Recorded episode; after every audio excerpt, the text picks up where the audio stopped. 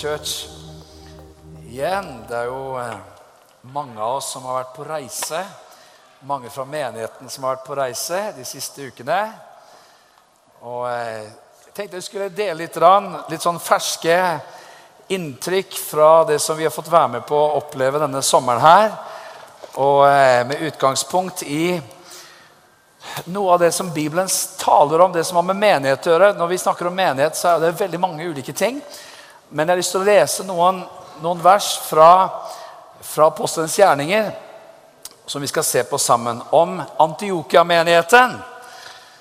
Så eh, skal vi se her. Hvis du leser med meg i Apostelens gjerninger og det ellevte kapittel, så skal vi se litt her på Antiokia-menigheten.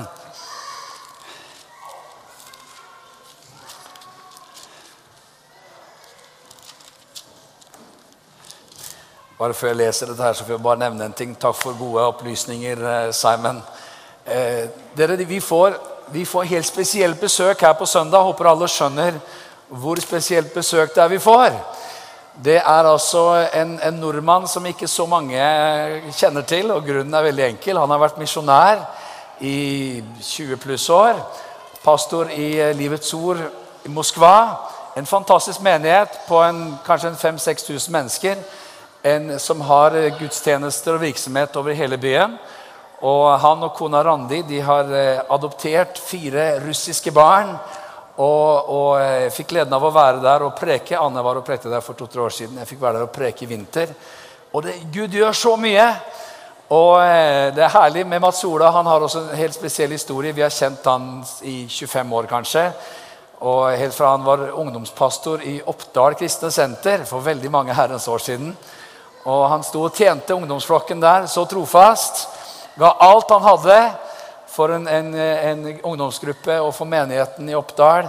Og så plutselig så tar Herren og kaller han til Moskva. Det, for de som har vært i Moskva de som har vært i Oppdal, de vet det, det, det, liksom, det er to veldig forskjellige verdener. altså. Eh, Moskva er en helt fantastisk spesiell by med 15 millioner mennesker.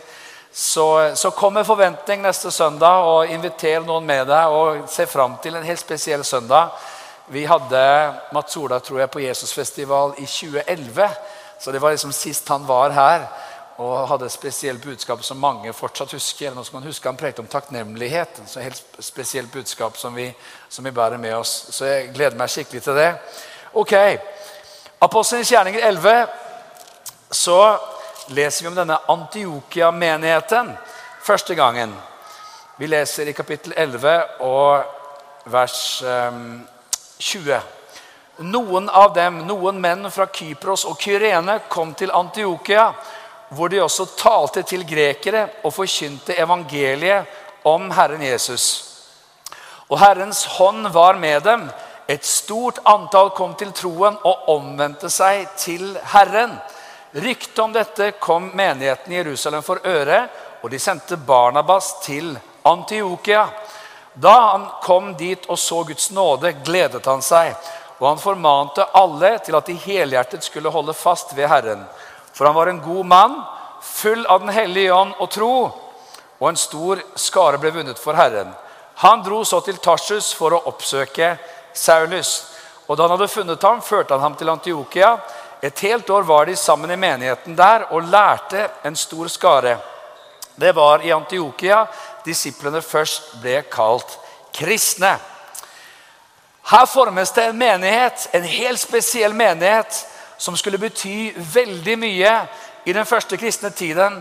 Det var nemlig en sånn skikkelig utsendermenighet. En menighet som hele tiden var full av liv og full av kraft og eh, Barnabas, Vi er så glad for Barnabas. Alle, jeg vet ikke om du har hatt en sånn Barnabas i ditt liv noen gang, men alle trenger vi av og til en sånn Barnabas.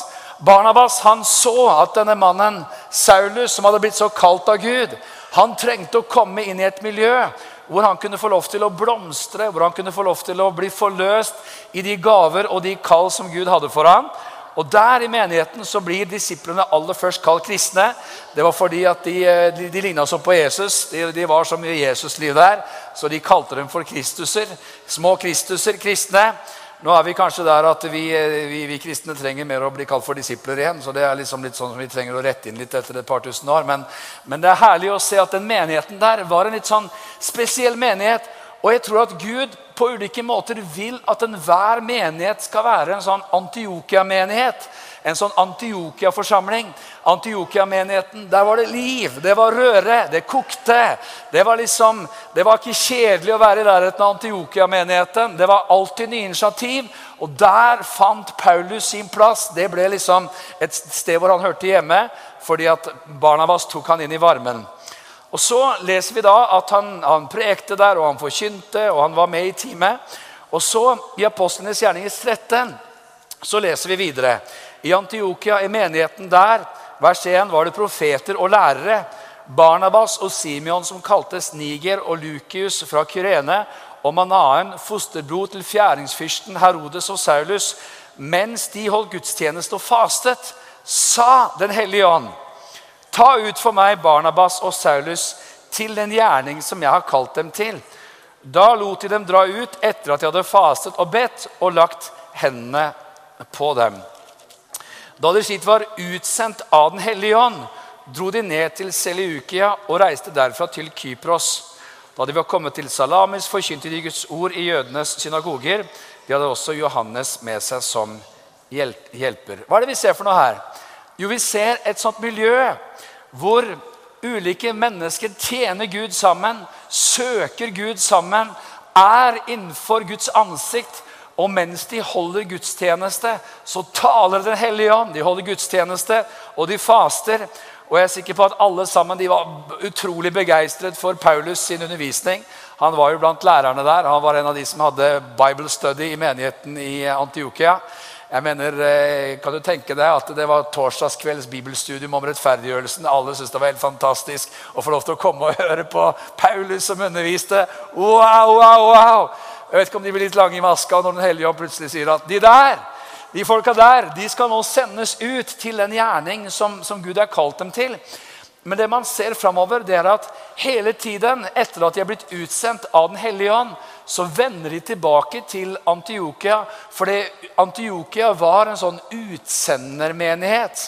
Og det som er interessant også, det er at Gud han sendte sine beste. Det var liksom ikke sånn at det var noen som tenkte at ja, ja, hvem skal vi sende ut? Ja, vi har jo Eh, liksom eh, Søster sånn og sånn, hun, hun er litt problematisk. Hun, hun skaper, mye, skaper, mye, bekymring her for lederne, så vi, vi sender henne, tror vi. Vi, vi tar henne. Vi, Gud velsigne deg, søster. Nei, du vet, og De tok det aller beste som de hadde, og de sendte det ut. Sendte det ut for å velsigne.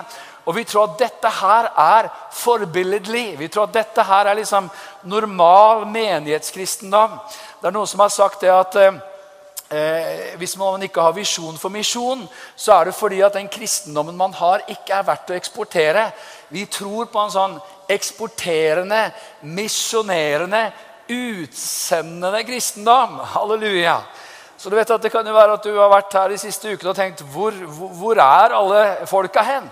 Hvor er de egentlig? Til og med nå. Hvor, hvor, hvor, er, hvor, er, folk her? Jo, vi er så glad for at vi har fått lov til å sende denne sommeren. Sende folk utover i alle retninger. Det er fantastisk at vi sannsynligvis har vært flere fra Jesus Church som har vært sammen i Roma, enn det vi har vært her i løpet av denne sommeren. Det er jo herlig. Litt, litt ammen som kom på lur der. Litt sånn Aha! Er det det som har skjedd? Ja, du skjønner, Vi tror på å være en sånn Antiokia-forsamling. Og Derfor er det godt å liksom kunne komme litt vet, Paulus han, han, han, han, brakte nyheter hele tiden om det Gud gjorde der hvor han kom. Og vet du hva? Vi har fått lov til å være med som menighet og se Gud har fått gjort så herlige ting denne sommeren. Hvilken glede! Og du vet, det, det står om, eh, det står om eh, David vet du, og hans menn og de som eh, som, eh, som angrep Siklag for bibelkjennere.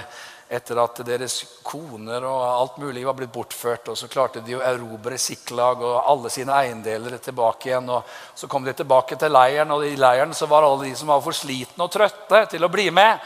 Og det står de dårlige mennene som var blant David. Så det var en del av de som ikke helt fikk helt skussmål der. De dårlige mennene blant David de sa at de der som har vært eh, hjemme, de skal ikke få en, en ting av det byttet som vi har fått med oss. Og David han sa nei, nei, nei, nei, sånn skal det ikke være. De som har vært hjemme, de skal få dele likt med de som har vært ute. Og sånn har det siden vært, sier Guds ord. Så det, vi, det vi får gjøre nå, vi som har vært gleden av å være i Roma og vært der ute og fått lov til å se Guds gjerning i aksjon, vi får liksom være med og komme tilbake, og så får vi dele litt av byttet. Dele litt sånn gode rapporter til alle som har vært hjemme her og alle som har, har, har, stått her i Jesus Church i sommer. Det er en sånn glede, nemlig, kjære venner, å få se at evangeliet går fram i Europa i dag på fantastisk vis. Du vet, eh, Vi må, vi må klippe oss litt i armen egentlig, for det vi har fått være med på. Det er jo sånn at eh, Vi har gleden av å være hjemmemenighet for, for Jesus Evolution. Jesus Evolution, eh, Vi sender jo ut folk hele tiden i alle retninger året rundt. Men på sommeren så har vi to uker med sommerteam hvor unge mennesker kommer sammen. Og det er jo glede at denne sommeren har det vært flere enn noen gang før som har vært ute. 420 deltakere fra 25 land. Helt fantastisk å få lov til å være med på dette. I tillegg så har vi hatt eh, skal vi se, 70 volunteers som kom fra USA for å stå sammen med oss. Og i tillegg til det så har vi hatt pluss-minus 150 ledere fra alle mulige kanter som har kommet inn for å være med på å se Gud i aksjon. Så vi har vært 650 rundt der omkring som har vært i aksjon sammen i Roma disse siste par ukene. Vi kom hjem på mandag. Og det er så godt å få lov til å si hva som har skjedd. Fordi et sånn sommerteam, for dem som ikke kjenner så veldig godt til det, det er at unge mennesker de, de, de kommer. De, noen kommer med noen venner, noen kommer med kjente, noen kommer helt alene. De eh, trenes i løpet av noen dager. Veldig enkelt. Hvordan skal man forkynne evangeliet? Hvordan skal man be for syke? Hvordan skal man få lov til å demonstrere Guds kraft og Guds kjærlighet der ute på gatene? Og, og eh, Roma, har jo, Roma har jo, er jo en fantastisk by. Noen som har vært i Roma? Åh, Den er jo bare nydelig! Helt herlig. Og vi har bedt mye for Roma også i, i, i, i løpet av våren og sånt her i menigheten også, at Gud skulle få gjøre store ting. Og, og, Gud har gjort mange mirakler. Det største miraklet, kanskje eller det, det, det, det, er ikke det største, men det første miraklet kan vi si, det var å få tillatelser til å få lov til å forkynne evangeliet rundt omkring overalt i hele Roma. Det var nemlig sånn at Vi fikk tillatelser, og det, går egentlig ikke an å gjøre sånn som det der, men for Gud er alt mulig. Vi fikk tillatelse til å være på 30 torg i Roma og få lov til å forkynne evangeliet. Det er ganske herlig. Så eh, mange av disse her kjente torgene som du har vært hvis du har vært i Roma, Pantheon eller Piazza del Popolo eller foran Colosseum, der var det evangelieforkynnere, unge evangelieforkynnere som sto og forkynte evangeliet med Jesus Kristus. Så trenes de i løpet av en uke, og så settes alle sammen inn i sånne team, sånne Jesus Revolution Groups, og så sendes de ut rundt omkring overalt. Og det er jo herlig vet du, å få lov til å gå en sånn kveldstur rundt omkring i Roma, liksom fra den ene piazzaen til den andre. Ja. der hører du evangeliet forkynt. og Der ser du liksom eh, noen som står og ber for syke, og der står det noen som vitner. Vi fikk samarbeide med rundt 30 menigheter i Roma som sto sammen med oss. Og det var eksplosivt! Det er veldig fint, men ofte så tenker vi at ja, Europa er stengt, og Europa er vanskelig, og ingen er vel egentlig interessert i, evangeliet i Europa. Vet du, Det er en løgn. Det mennesker er åpne for evangeliet overalt. Og i løpet av kun én ukes enkle vitnesbyrd i Roma så var det 1559 mennesker som fikk ta imot Jesus Kristus, og som fikk invitere han inn i livet sitt. Og det er herlig. Så eh, vi vet at vi har bedt for det som menighet, vi har gitt til det, og vi har backet opp. Og mange av dere har vært der og, og vært med på å, se det bli mulig. Og så, så er det noe veldig herlig, og det er at vet, over, overalt der hvor Paulus gikk omkring hva var han gjorde for noe? Jo, Det står i Apostelens gjerning 17, 17 at han var på torgene og han snakket med dem han traff på. Og, og, hva var det han gjorde for noe? Jo, Ofte så var det sånn at Guds kraft åpnet Guds hjerter og menneskets hjerter for Gud. Fordi at det var syke der som ble helbredet.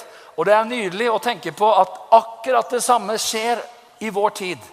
289 mennesker ble umiddelbart der og da helbredet fordi at noen la hendene på dem og ba for dem i Jesu navn.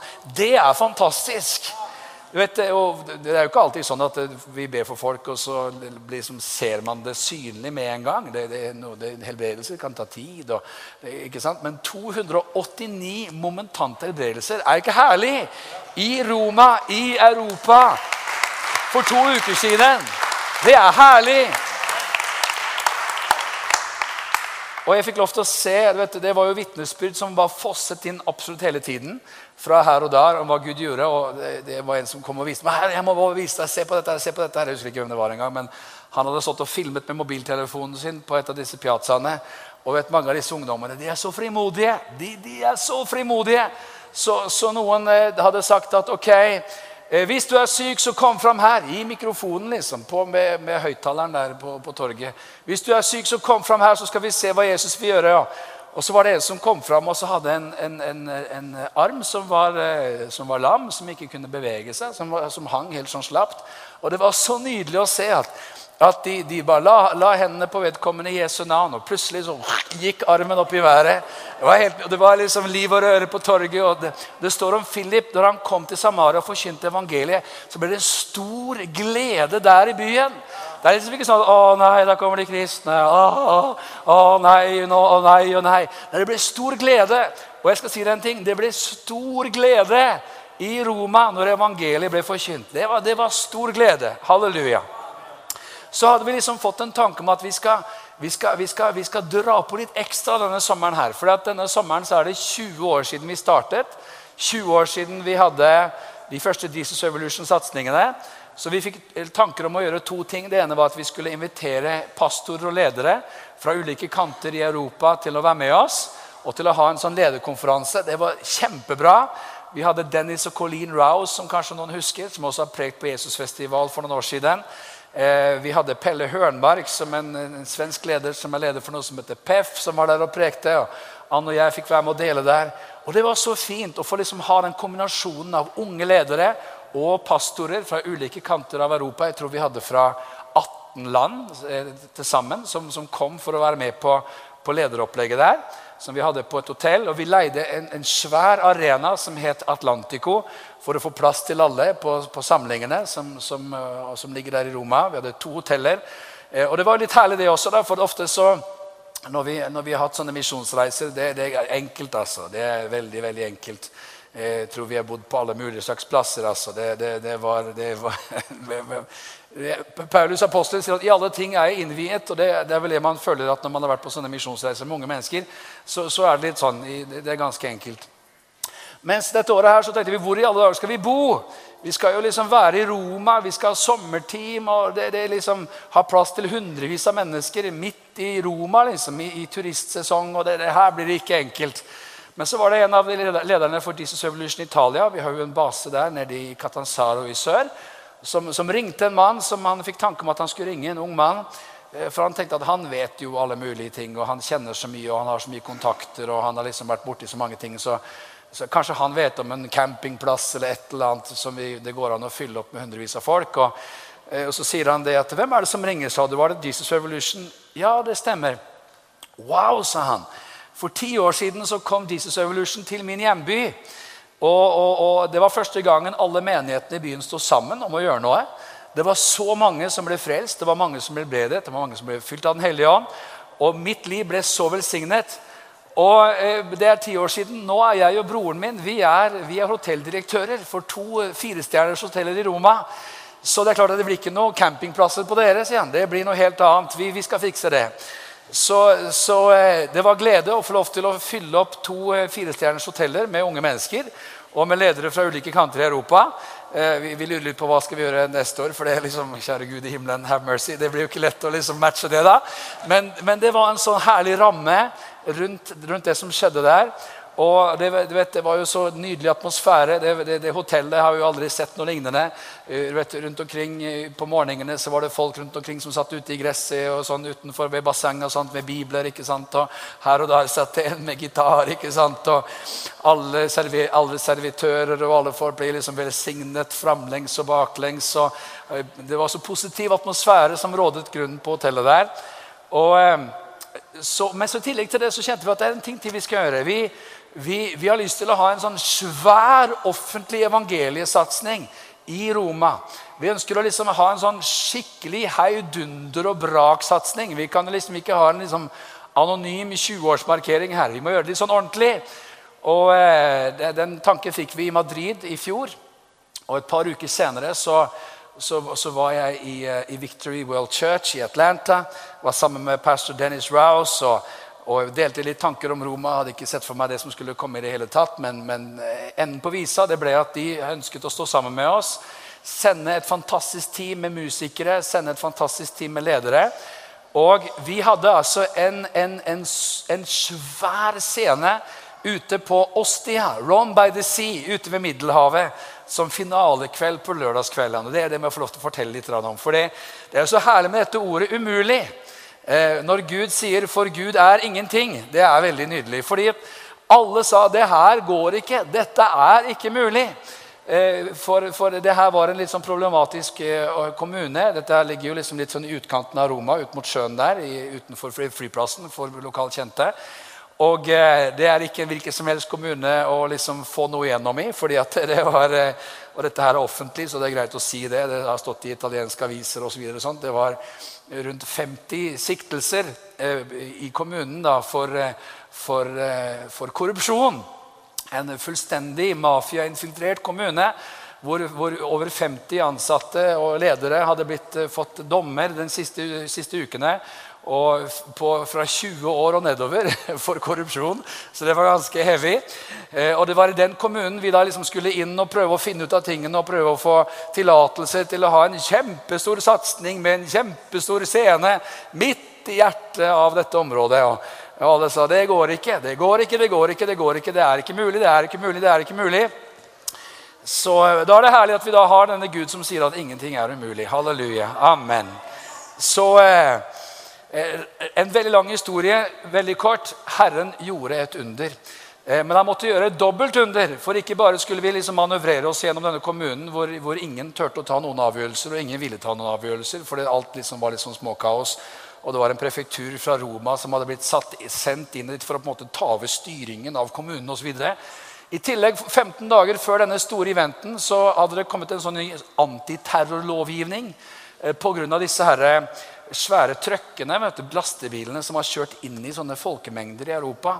Så er det liksom visse sånn som man har sett i Frankrike og Tyskland og så, videre, så er det visse torg som er i nærheten av gater der hvor man kan liksom kjøre rett fra gata og ut på torget med biler som er liksom kommet inn under sånne spesielle soner, antiterrorlovgivningssoner. Og selvfølgelig så var hovedtorget i Ostia, Rome by the Sea, eh, berammet av antiterrorlovgivningen. Eh, som andre ord, det var umulig. Og ingen visste hvordan denne loven fungerte. Den var bare 15 dager gammel. Ingen turte å ta en beslutning. Alle var redde for å gjøre feil, osv. Så, videre, og så, så kom våre folk dit da for å liksom eh, jobbe med saken. Og, men, og sa, men hør nå her. Hvordan er det med den gata som på en måte de tre hovedveiene til, fra byen leder inn til dette torget? Eh, er den gata berammet av denne antiterrorlovgivningen? Nei, var det en politiker som sa den, den, den, den, streken den går jo der hvor torget begynner. Gata er ikke berammet av denne lovgivningen. Så sier denne, våre ledere da at ja, men eh, kan vi ikke sette scenen der? For det er jo da ikke under denne antiterrorlovgivningen. Og jaggu altså, så er det en som sier ja, men kjære vene, det, det er jo faktisk mulig. Men det er et problem. Vi, vi, vi må sperre av de tre hovedfartsårene inn til byen i fem dager. For det kommer til å ta tre mann, 28 mann tre dager bare å sette opp scenen. Det var en svær greie, altså. Du tror det ikke? Det var, det var kjempesvær. Var, vi hadde en plasmaskjerm på 60 kvadratmeter. Det, det var 12 meters master med, med høyttalere og, og, greier og greier. Kan du tenke deg at, at, at, å komme gjennom de greiene der? Gud gjorde et under. Gud gjorde et under. Trafikkpolitiet, alle etater. Vet, her i Oslo så har vi kanskje tre etater vi må innom for å gjøre noe på gata. Der kan du gange det med liksom 15 møter med ulike etater. Og det er 300 sider papirer i søknad! Ok? 300, Bare liksom på italiensk 300 siders søknad på å få det. Ja, ikke sant? Du ser jeg har vært her lenge nå. Hey! Så, Og vet du hva? Alle sa det går ikke. Gud sier det er mulig. Og Herren gjorde et under. Gata ble sperret av resten av uka i fem-seks dager. Hele scenen ble reist opp, og ingen skjønte noen ting. Og det var, det var, italienske ledere som har holdt på i den byen der. og sa at Vi har prøvd i 20 år å få tillatelse til å sette opp et lite bord på strandpromenaden. Og vi har fått nei hver bidige gang. Så vet du, Her blir jo avisoverskrifter. Hva skjer ikke sant, i lokalavisene? Hva har skjedd Hva har skjedd med antiterrorlovgivningen? Hvem er Jesus Evolution som har fått til dette her? Og hva i alle dager er det som skjer? Og du vet, Det var jo selvfølgelig da bilder av eh, scenen som ble rigget opp og lastebiler og full mundur. Kjempebra. Fantastisk reklame. Helt gratis. Så når vi kommer dit på lørdagskveld, så kan du tenke, så har vi over 5000 mennesker som står klare for å høre evangeliet om Jesus Kristus. Den største satsingen vi noen gang har hatt i løpet av de 20 årene som vi holdt på med Jesus Revolution. Det var helt nydelig, halleluja, å få både proklamere det er mulig! Amen!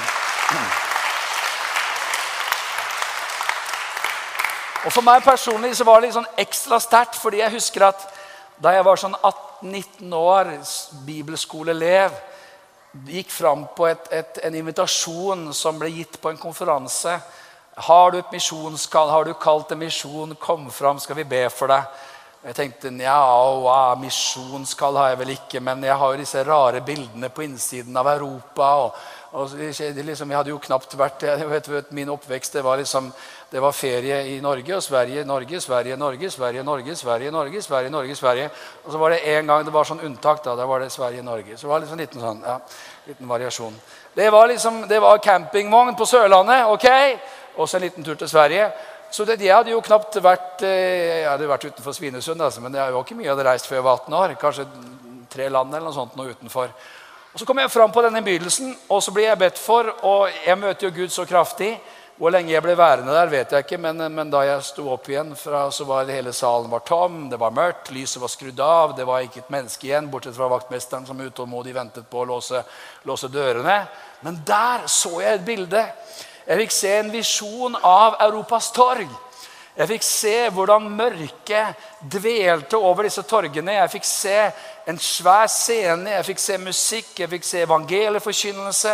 Jeg fikk se lovsang og liv og begeistring. Jeg fikk se hvordan når evangeliet ble forkynt, så kom lyset fra evangeliet og trengte gjennom mørket. Jeg fikk se hvordan hundrevis av mennesker tok imot Jesus Kristus, folk ble helbredet, fikk oppleve Herrens kraft. Og du vet, Jeg måtte klippe meg i armen når Anne og jeg fikk stå sammen på den scenen der på forrige lørdag. Hey, it's happening before our eyes! Det skjer, det vi så. Da jeg det så som 18-åring. Det er første gangen jeg har sett den bokstavelige oppfyllelsen av dette synet. Altså, synet innebærer jo hele på en måte Jesus Evolutions visjon. Ble jo født på det møtet der. sånn sett, Så det er så mye mer om det. Men det er jo herlig vet du, når Herren liksom overrasker og sier at det her skal du faktisk få oppleve i praksis. Det var konsertteam der. Det var helt nydelig med Jesus Evolutions konsertteam. De gjorde en kjempeinnsats. Maria vet du, var der og danset, og Oddleif sang, og konsertteamet. Det var helt nydelig. Mange av dere har jo hjulpet dem i gang. og Hjulpet til med media, Aron, hjulpet til med ulike ting for at det skulle bli så bra. Det var nydelig. Helt fantastisk var det. Så var det Victory World Church med, med, med Montel Jordan som dro på der. Han fortalte sitt vitnesbyrd om hvordan han hadde vært en sånn sånn soul-artist i USA, solgt ti millioner skiver. Hatt tittlisteplasseringer i Billboard, full mundur. Men hvor, hvor liksom, hvordan Jesus grep inn, og Jesus tok over. Og i dag så fikk han tjene Jesus. og Det var så herlig. Vi fikk lov til å forkynne evangeliet sammen. han og jeg. Og få oppleve at så mange mennesker fikk ta imot Jesus, fikk bli frelst, fikk oppleve Guds kraft, ble helbredet. Alle disse 500 som vi da var, 600 var vi, som fylte hele plassen, ba for syke, forkynte evangeliet. Og det var så nydelig å få oppleve et sånn himmelens vær. Amen, halleluja, prise Gud. Kan du tenke deg at det her har vi fått være med på? Vi har fått være med på dette. Yes! Du, som Simon sa, vet du, vi, tar jo opp kollekter og halleluja, og så gir vi litt på VIPS, og så gir vi litt på kort, og så gir vi litt Men vet du hva? Det, vi holder på å få gjøre noe som er mye mye, mye mer enn det som vi bare liksom ser med øynene våre fra uke til uke. Vi får lov til å være til velsignelse for nasjoner. Vi får lov til å være en sånn Antiokia-forsamling som får spre Guds kjærlighet, som får spre Guds kraft, som får se mennesker bli frelst og helbredet. Amen. Halleluja. Er det ikke oppmuntrende? Yes. Det er jo så oppmuntrende! Halleluja!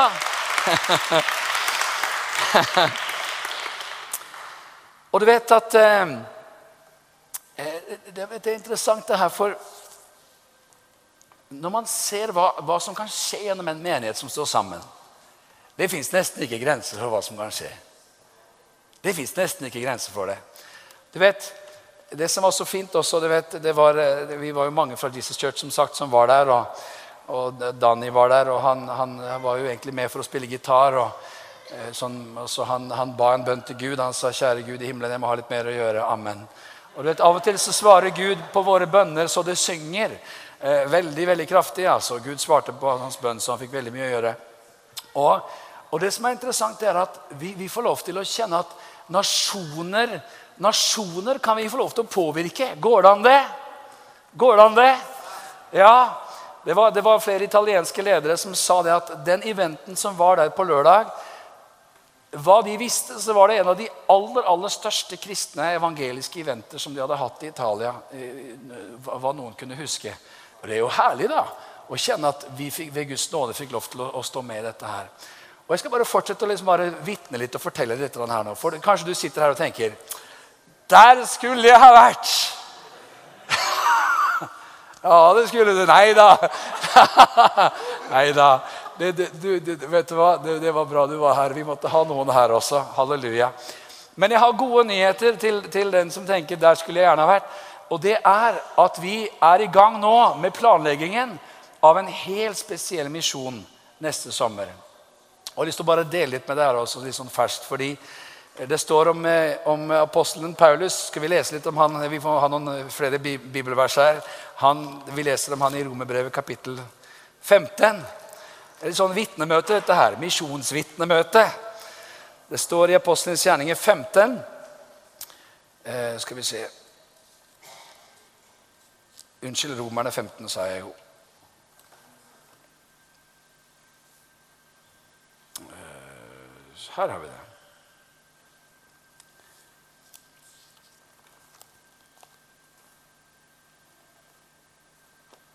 Det står i vers 18 for jeg vil ikke våge å tale om noe annet enn det som Kristus har utført gjennom meg, for å føre hedningene til lydighet ved ord og gjerning, ved kraften i tegn og under, ved åndens kraft. Slik har jeg fullt ut forkynt Kristi evangelium fra Jerusalem og rundt om like til Illyria. Men jeg har satt min ære i å forkynne evangeliet der hvor Kristi navn ikke før var nevnt, for at jeg ikke skulle bygge på en grunnvoll som andre hadde lagt. Noen som vet hvor Ilyria er hen? Vet, Paulus han kom til det området som også kalles for Dalmatia, eh, som, som, som, også i dag innbefatter Balkan, det her området som strekker seg langs kysten. Eh, langs Montenegro og Kroatia, kanskje noen som har vært der på ferie. Vi, vi leser i Apostlenes gjerninger om hvordan de kom til Makedonia.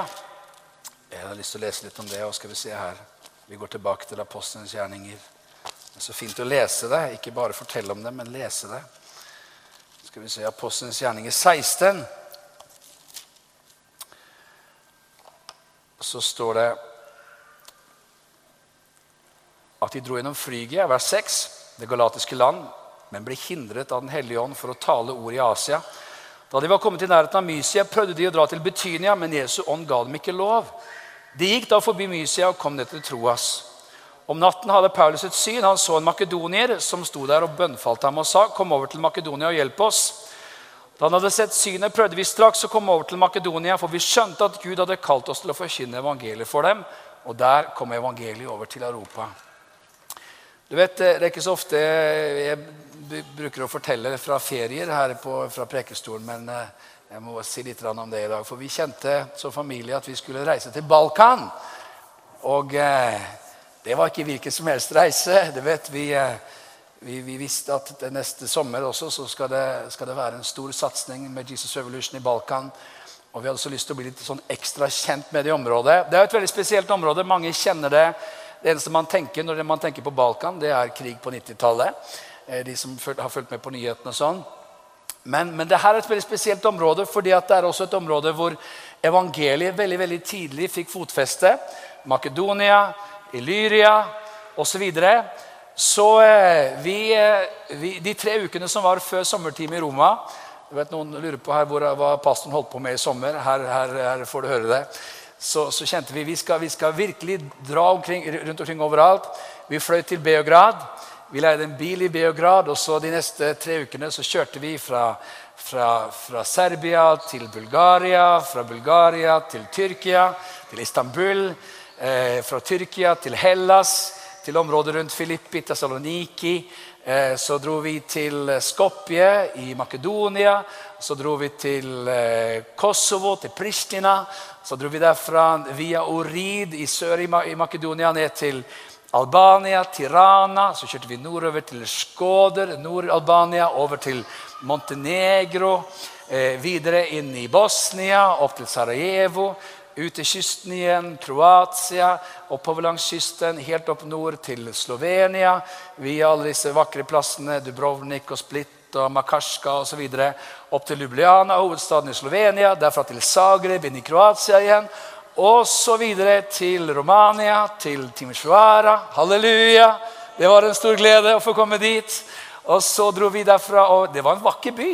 Wow, for en nydelig by! Timisoara. Helt fantastisk med torgene og mwah, Helt nydelig. Så eh, første gangen. Så dro vi derfra til eh, Nei, jeg glemte Novi Sad, selvfølgelig. Nord i Serbia, også derfra til Beograd. Vi var i tolv nasjoner. Vi kjørte 5000 km. Vi bodde på eh, 19 hoteller på 21 dager. En fantastisk ferie. og det var så spesielt å få se nasjoner i støpeskjeen. Nasjoner i brytninger nasjoner hvor man bare tenker når man kjører igjennom dem og ser dem, at her kan hva som helst skje. Her trengs evangeliet. Her trengs budskapet om Jesus. Og jeg tenker spesielt på noen av disse nasjonene som ligger midt på Balkan, som historisk sett er sånn midt i, i veikrysset mellom øst og vest.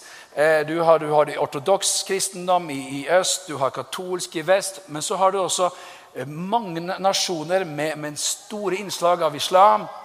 Sånn som, eh, sånn som Albania, og sånn som eh, Kosovo, sånn som Bosnia og sånn som også Makedonia.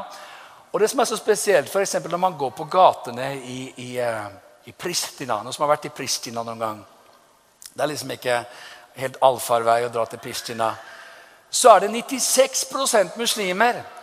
Og når man tenker når man skal inn at, at liksom, ok, det her blir spennende, hvordan kommer dette til å se ut? Så kommer man til en gate som er bare full med tusenvis av unge mennesker. Vestlig kledd, så mange som snakker engelsk. Eh, en, en sånn, sånn, åpenhet, mottagelighet i forhold til det å snakke med folk. En sånn, sånn spennende, spennende, by. Og du vet, eh, I Kosovo så var det 220 moskeer i 1999, når krigen avsluttet. 16 år seinere er det 860 moskeer i det lille landet. Og Det var så spesielt å kjøre gjennom det landet, men også land som i, i både Makedonia og, og, Albania, og se ganske mange byer, små byer, noen slitne byer, men funklende, nye, nybygde moskeer. I stor grad finansiert av tyrkiske myndigheter og av Saudi-Arabia. De pøser milliarder av kroner inn i dette området. De bygger moskeer, og de bygger ungdomsklubber. Det, det, det, forteller pastorene i Albania oss. Og jeg ble så tankefull da jeg reiste, for jeg tenkte her har det vært åpent nå i 20 år. Etter kommunismens fall og etter at krigene var ferdig, så har det vært muligheter for oss i over 20 år å gå inn med evangeliet og gå inn med de gode nyhetene. Og så tenkte jeg, hva har vi gjort? Har vi virkelig gjort det? Har vi virkelig arbeidet Vet du, her i, tidligere i, i, i våre så var jeg sammen med, med, mange nasjonale ledere fra Slovenia, Kroatia, fra, fra tidligere Jugoslavia, Serbia, Bosnia osv. Sju land representert. Og vi spurte et enkelt spørsmål. Hvor mange unge mennesker i det tidligere Jugoslavia er det som kjenner Jesus, og som er blant de evangeliske troende? Til sammen alle bevegelser klarte å komme opp mot at de kanskje var en, en pluss-minus 900, opp mot 1000, 1000, stykker. Nå var ikke det absolutt alle sammenhenger som var representert der. selvfølgelig. Det var, fantes noen baptister og noen, noen metodister og så som ikke var til stede. Men, men på Balkan så er pinsebevegelse og evangelisk er nesten sånne likhetstegn, fordi at de er de største. Så hvis man er riktig riktig optimistisk, så vil man se at i det tidligere Jugoslavia så er det kanskje opp mot et par tusen unge mennesker som kjenner Jesus, eller som, som er evangeliske kristne. Guds rike er alltid større enn man tenker. Men, men man tenker bare For et utgangspunkt! For en nød! Og for en mulighet for evangeliet! Og det fødtes en sånn drøm i hjertene våre. Tenk om vi kunne se at antallet disipler av blant unge mennesker på Balkan ble fordoblet til neste år. Tenk om vi kunne gå inn i hvert eneste land samtidig. Tenk om vi kunne ha team på hvert sted og forkynne evangeliet. Tenk om vi kunne samle alle unge, unge, unge, mennesker på ett sted den første uka, og så sende team ut til alle nasjoner etterpå, og så til slutt samle alle sammen på ett sted for å stå sammen i en stor evangelistisk satsing. Tenk om vi kunne hjelpe ungdomsgruppene i hver eneste menighet til å starte sånne Jesus Evolution-grupper. Tenk om vi kunne gi dem hjelp og ledertrening og veiledning til disippelgjøring og til, til det å vinne mennesker for Jesus. Tenk om vi kunne stå sammen med alle mennesker som er der. Så vet vi at Bulgaria og Romania er i helt andre situasjoner. Der fins det mange kristne og mange store menigheter. Mens på det tidligere Jugoslavia pluss plus Hellas så er det så smått. Så er det så lite. Og, og jeg, jeg, sier det her nå, vet du, fordi at, fordi at Hør nå her. Vi trenger så mange neste sommer. Vi trenger så mange på banen de to første ukene i juli at det er mulig du skal bli med, Viktor. det er mulig vi trenger dere alle sammen. Fordi det vi så nå i år, det var at det her er ikke bare noe som liksom vi tenker ok, Jesus Revolution, wow, så fint, så bra. Fordi at det er så stort. Det er så mange at vi trengte hver eneste medarbeider vi hadde fra Jesus Church som var til stede. Vi trengte hver eneste en. Det var jobb og arbeid for hver eneste en. Og jeg tenker at Det er så viktig for oss som menighet å kjenne vi, vi, står sammen her i Oslo. Vi står sammen for å bygge Guds rike sammen med Guds menighet i denne byen. her. Vi har mange viktige ting som skjer foran her. Vi, vi har hatt en Jesusfestival bak oss med 100 timer med bønn og lovsang, eller lovprisning og barmhjertighet på, på, i fokus. Og Det er mange ting som skal skje videre gjennom denne, denne høsten her.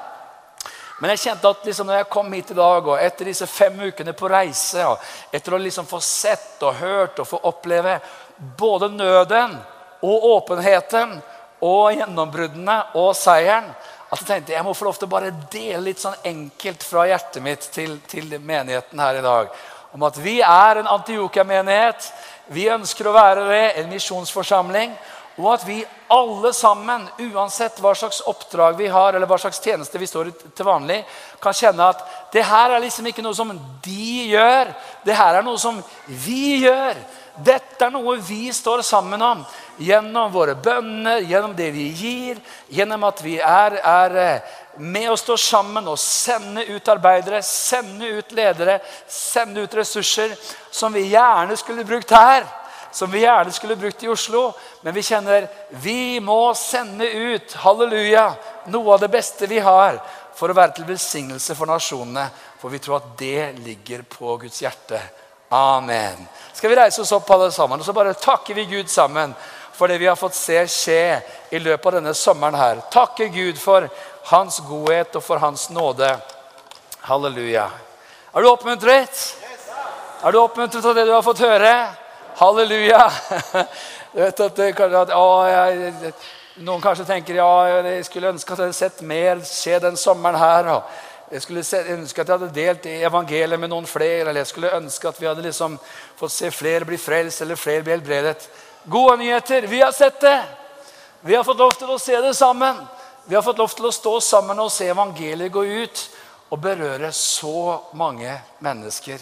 Så takk for bønnene. Takk for det som du har vært med oss så inn i det. Og takk for at vi får lov til å stå sammen om å bygge en sånn misjonsmenighet som får lov til å være til velsignelse for nasjonene. Takk, Jesus.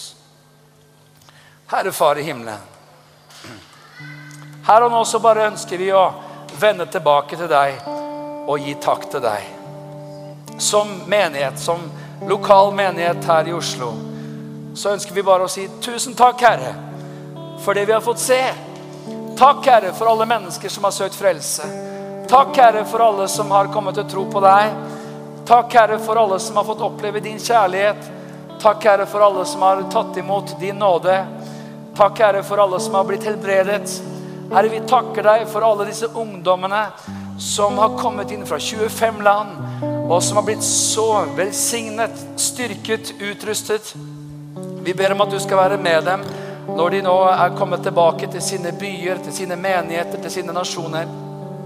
Vi ber om at det som er blitt deponert inn i deres hjerte, skal få lov til å fortsette å spire. At du fortsetter å fylle dem med frimodighet, fortsetter å la dem få lov til å bli brukt av deg. Og så takker vi deg, Herre Jesus Kristus, for at vi får lov til å være vi får være en, en, en menighet for denne byen.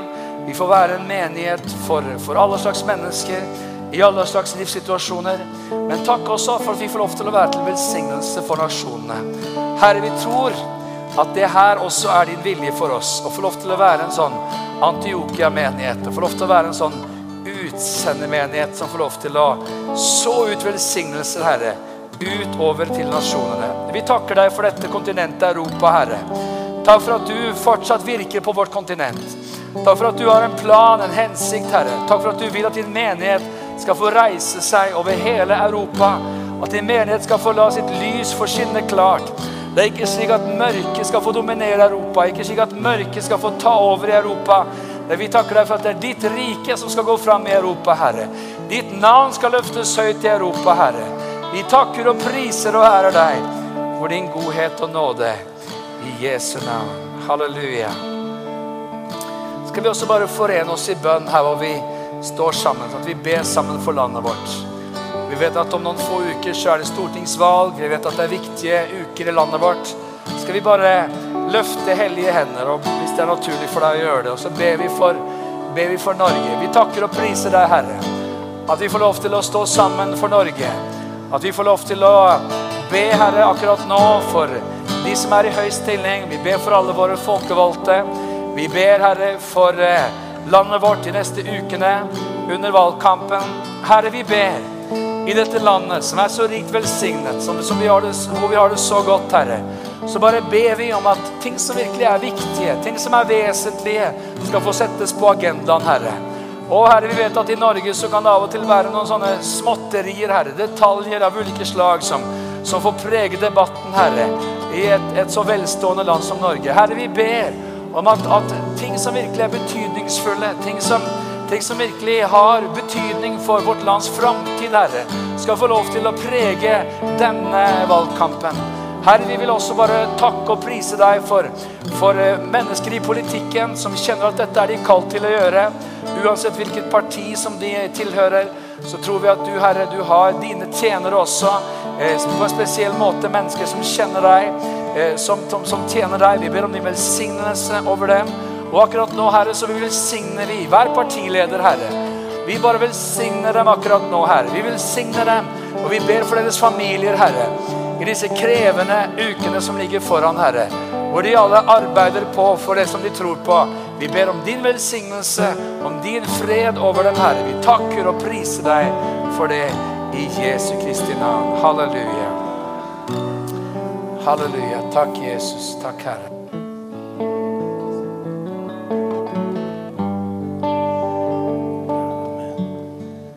Bare syng det til slutt.